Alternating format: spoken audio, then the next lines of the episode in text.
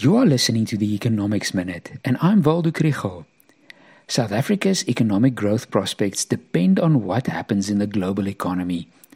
This episode is about the IMF's World Economic Outlook and what it means for South Africa. The episode is supported by Predictive Insights and the NWU Business School. If the economies of our trading partners grow, our exports grow as well. If their inflation and interest rates fall, the Reserve Bank can also relax our monetary policy. Yesterday, the IMF published their World Economic Outlook for 2023, and it seems that the news is a little bit better than expected. The IMF predicts a lower growth rate of 2.9% for the world economy in 2023. But this is 0.2 percentage points higher than they thought last October.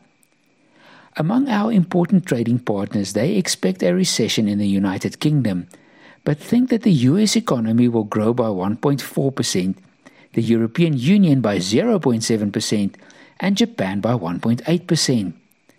The IMF also expects that the Chinese economy will make an important contribution with growth of up to 5.2%. For South Africa, they expect 1.2% economic growth this year. They agree that the energy crisis will dampen growth, but are positive about commodity exports to China as a driver of growth. This brings one back to the crises at Eskom and Transnet. Last week it was reported that coal exports through the Richards Bay coal terminal in 2022 were only as much as it was in 1993. The Minerals Council says that the mining industry is currently making large investments in alternative power generation, which means that the money is not available to expand the industry.